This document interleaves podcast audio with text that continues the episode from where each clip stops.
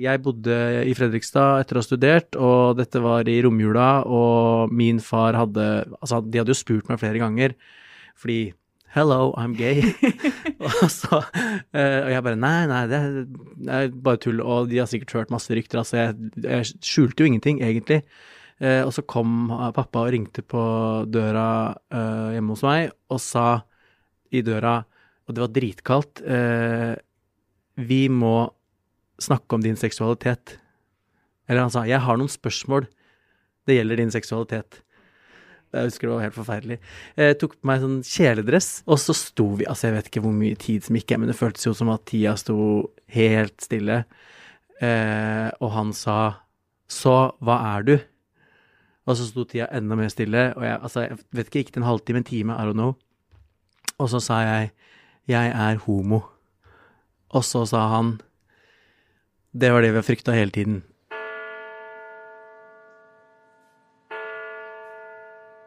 Utenfor det store røde mursteinsbygget som Oslo rådhus er, blir et rødt, oransje, gult, grønt, blått og lilla flagg heist.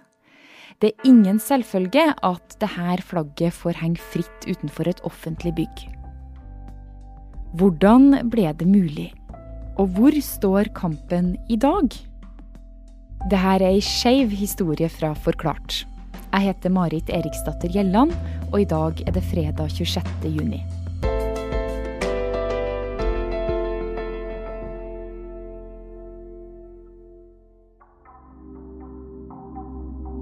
Vi kom på et møte. Selv hadde jeg fått en invitasjon i posten.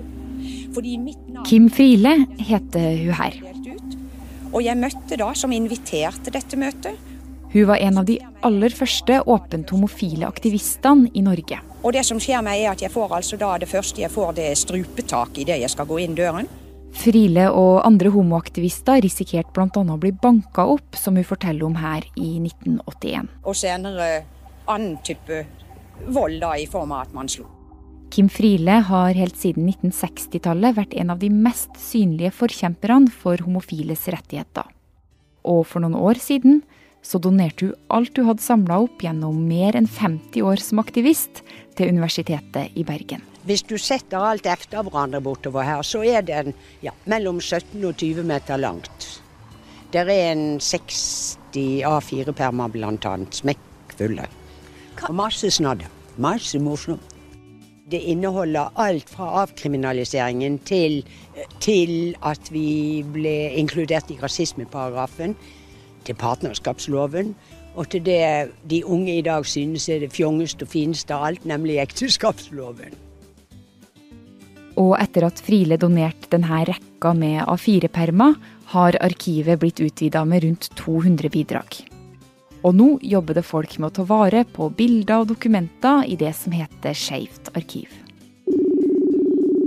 Hallo. Hallo, Hanna. Det er Marit Gjelland her. Jeg heter Hanna Gillov Kloster, og jeg er altså faglig leder for Skeivt arkiv. Og det her har blitt det nasjonale kunnskapssenteret for skeiv historie på Universitetet i Bergen. Det er så vanskelig jobb, for når man går gjennom et arkiv, så det tar så lang tid, for jeg bare stopper hele tiden og ser Oi, er det sant? Å, dette var gøy. Å, disse bildene vil jeg se på. Uh, altså, bare i forgårs skulle jeg pakke ut en eske nede i kjelleren, og så fant jeg et fotoalbum hvor de hadde hatt sånn lesbisk kulturkveld i 1985 med et lite band, um, og alle hadde strikkegenser på, og de var så utrolig fine. Altså, man blir så engasjert, og du klarer ikke å på en måte bare behandle det som ja, som rent arkivmateriale, for det er så mange personlige historier og og spennende skjebner og fine bilder og ja. Eh, så det er utrolig spennende. Målet med Det skeive arkivet er å finne ut av hvordan livet som skeiv har vært og har endra seg. Og det, det, er helt umulig å forstå negative holdninger mot homofili hvis ikke du ser det lange, lange, lange løpet og den kjempelange historien som ligger bak.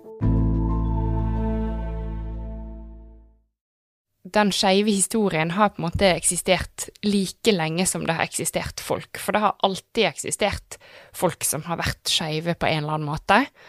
Um, og skeiv kjærlighet har alltid eksistert. Uh, vi, men vi må lete litt andre steder for å finne spor veldig langt tilbake i historien enn det vi tradisjonelt tenker på som steder å finne historien.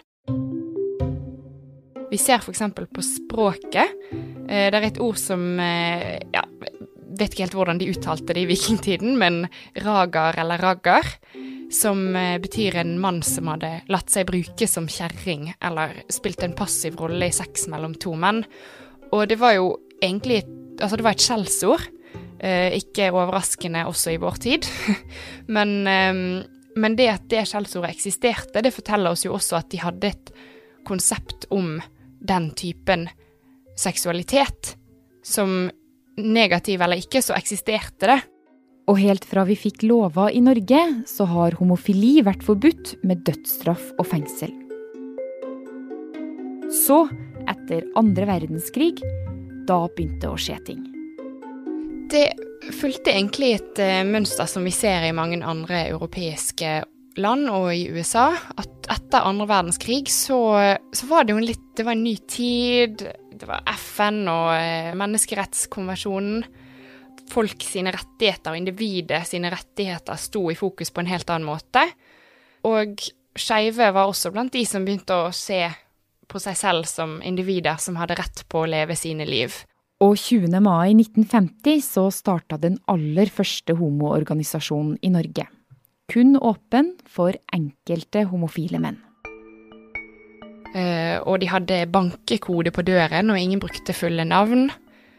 Men for veldig mange så var jo dette det aller første stedet de traff likesinnede og kunne være helt åpne om hvem de var, og de ikke måtte skjule en del av seg selv.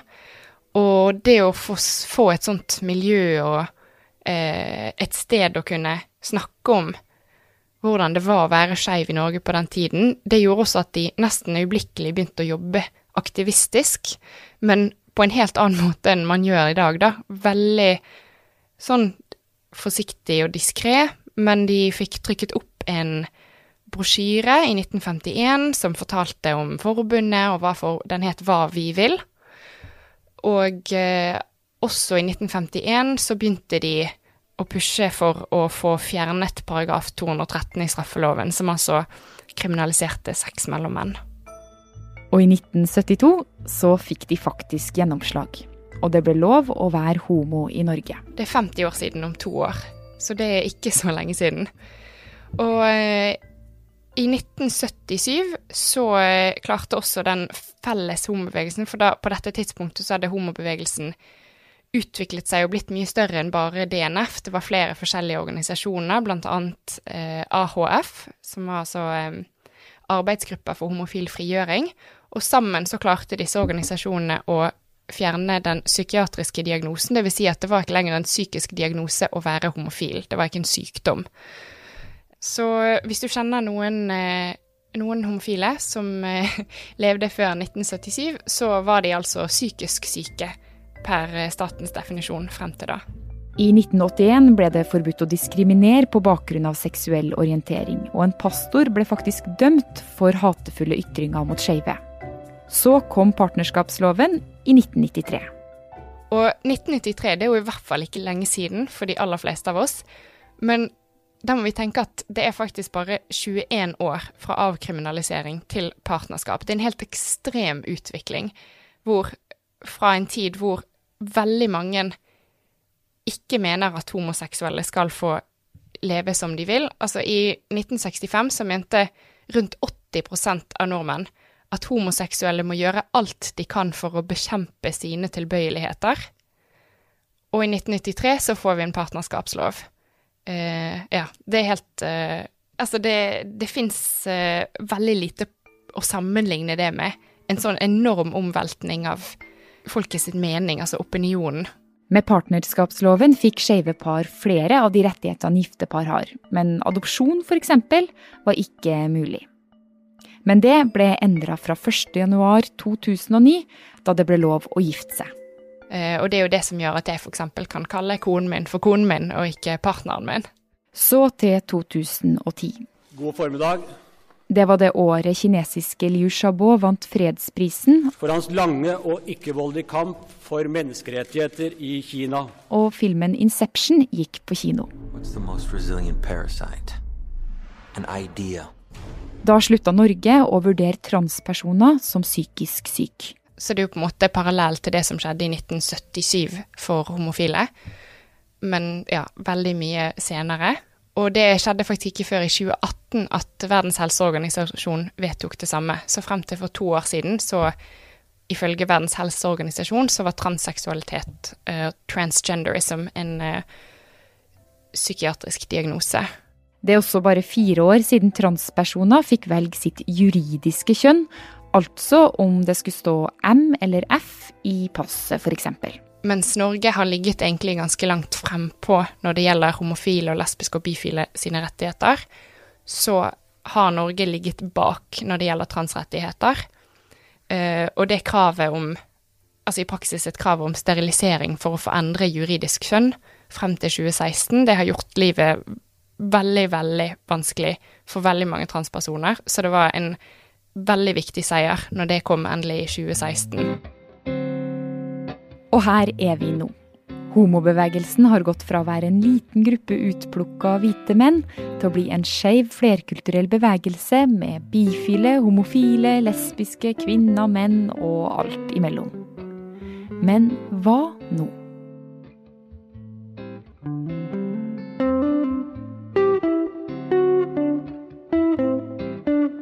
Og så sa jeg 'jeg er homo'. Og så sa han 'det var det vi har frykta hele tiden'. Ikke si noe til farmor. Ikke snakk om det med noen. Ikke snakk med mamma om det. Jonas Brenna var 23 år da faren hans fikk vite at han blir forelska i gutta. Det var ganske seint. Eh, og det var fordi at bakgrunnen min er en sånn hybrid mellom eh, pinsemenigheten og Metodistkirken i Østfold. Eh, så jeg var jo livredd for at jeg ikke skulle ha en familie hvis jeg kom ut. Så derfor var han nesten glad for reaksjonen til faren. For den betydde at han fremdeles hadde familien sin. Men så gikk jo ikke det i lengden, ikke sant. Det ble jo en sånn weird avstand der, og etter hvert så var jeg jo ikke ok med den responsen. Og, det, og vi kom ingen vei på en måte heller. Eh, på mange år. Og samtidig Ja, nei, det var en merkelig periode. Og samtidig som det her pågikk, så har jeg jo alltid hatt, og fortsatt har, et veldig nært forhold til faren min, så jeg kunne snakke med han om til og med liksom gutteting. Bare uten å nevne liksom det, men sånn følelsen ikke sant, hvis, hadde, hvis jeg hadde kjærlighetssorg. Så det var helt merkelig. Men jeg velger å ikke fokusere på det, fordi jeg tenker at det er en naturlig Jeg har altså også sagt mange ganger at hvis jeg sier at jeg trengte kanskje 10-15-20 år på å akseptere meg selv med alle de referansene og all kjennskapen jeg har til meg, til miljøet, til alle sider av det å være skeiv, hvordan skal jeg forvente at noen som ikke har noe kjennskap til det, annet enn via meg, skal bare snu på flisa og bare 'Vi elsker deg som du er'.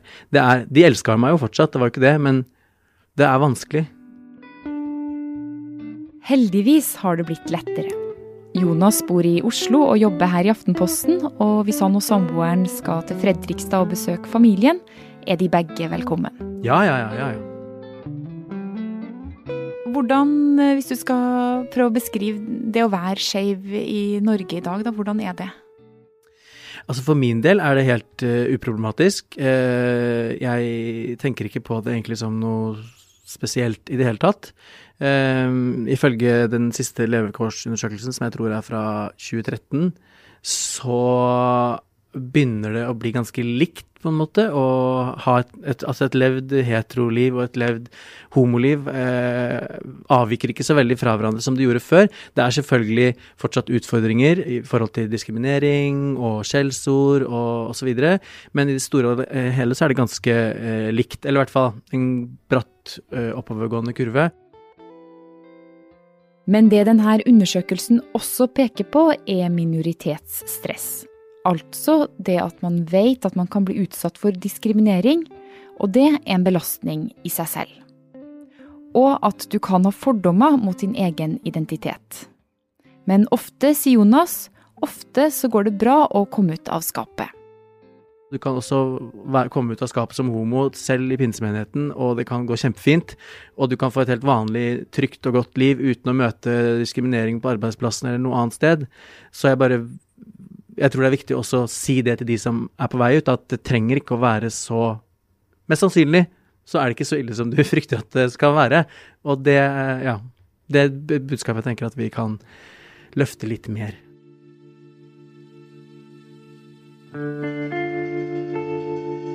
Så er det deler av det skeive miljøet hvor det ikke står så bra til. Det gjelder f.eks. bifile, og særlig transpersoner. For transpersoner opplever nemlig oftere trakassering og diskriminering enn homofile, lesbiske og bifile. I en ny undersøkelse fra Universitetet i Agder blant over 500 transpersoner her i landet, så svarte nesten én av tre at de hadde forsøkt å ta sitt eget liv. Og i mange andre land er situasjonen enda mye verre enn her.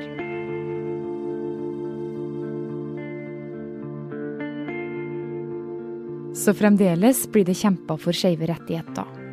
Og aller mest kjent er jo pride.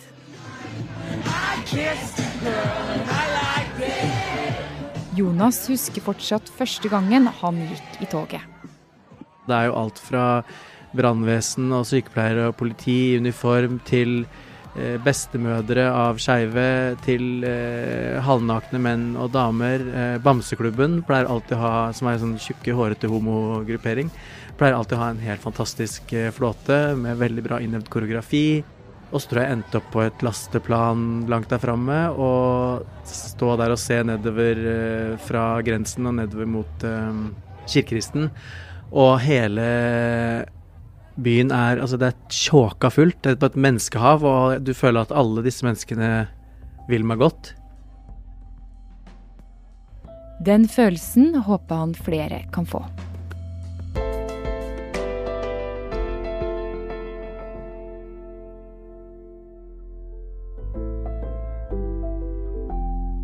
Forklart lages av Caroline Fossland, Fride Næss Nonstad, Anne Lindholm, Andreas Bakkefoss og meg, Marit Eriksdatter Gjelland. I denne episoden har du hørt lyd fra NRK og VGTV.